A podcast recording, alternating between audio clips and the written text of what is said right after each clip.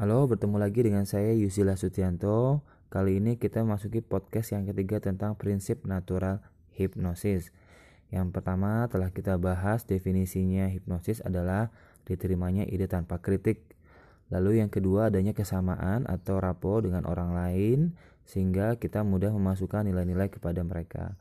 Sekarang yang ketiga adalah tentang age regression dan age progression. Apa itu age regression? Age regression adalah di mana saat pikiran kita kembali ke sebuah peristiwa di masa lalu. Itu bisa terjadi saat kita berkhayal atau bengong.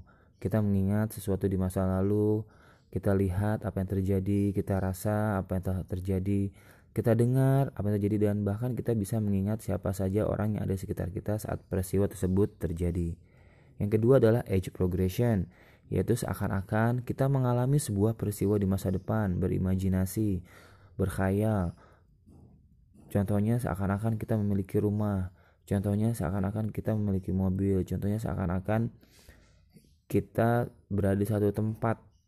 Kita ingat, kita kita kuatkan kualitas rasanya seakan-akan semua terjadi. Age regression dan age progression adalah sesuatu yang natural dan ini juga disebut kondisi hipnosis. Lalu yang kedua, bisa dengan dipandunya imajinasi kita kembali ke masa lalu oleh seorang hipnoterapis atau dipandunya imajinasi kita ke masa depan seakan-akan kita mengalaminya. Dan kedua hal ini adalah kondisi natural hipnosis. Dan apakah Anda merasakan setiap hari? Ya, setiap kita merasakannya setiap hari, setiap kita melakukan setiap hari.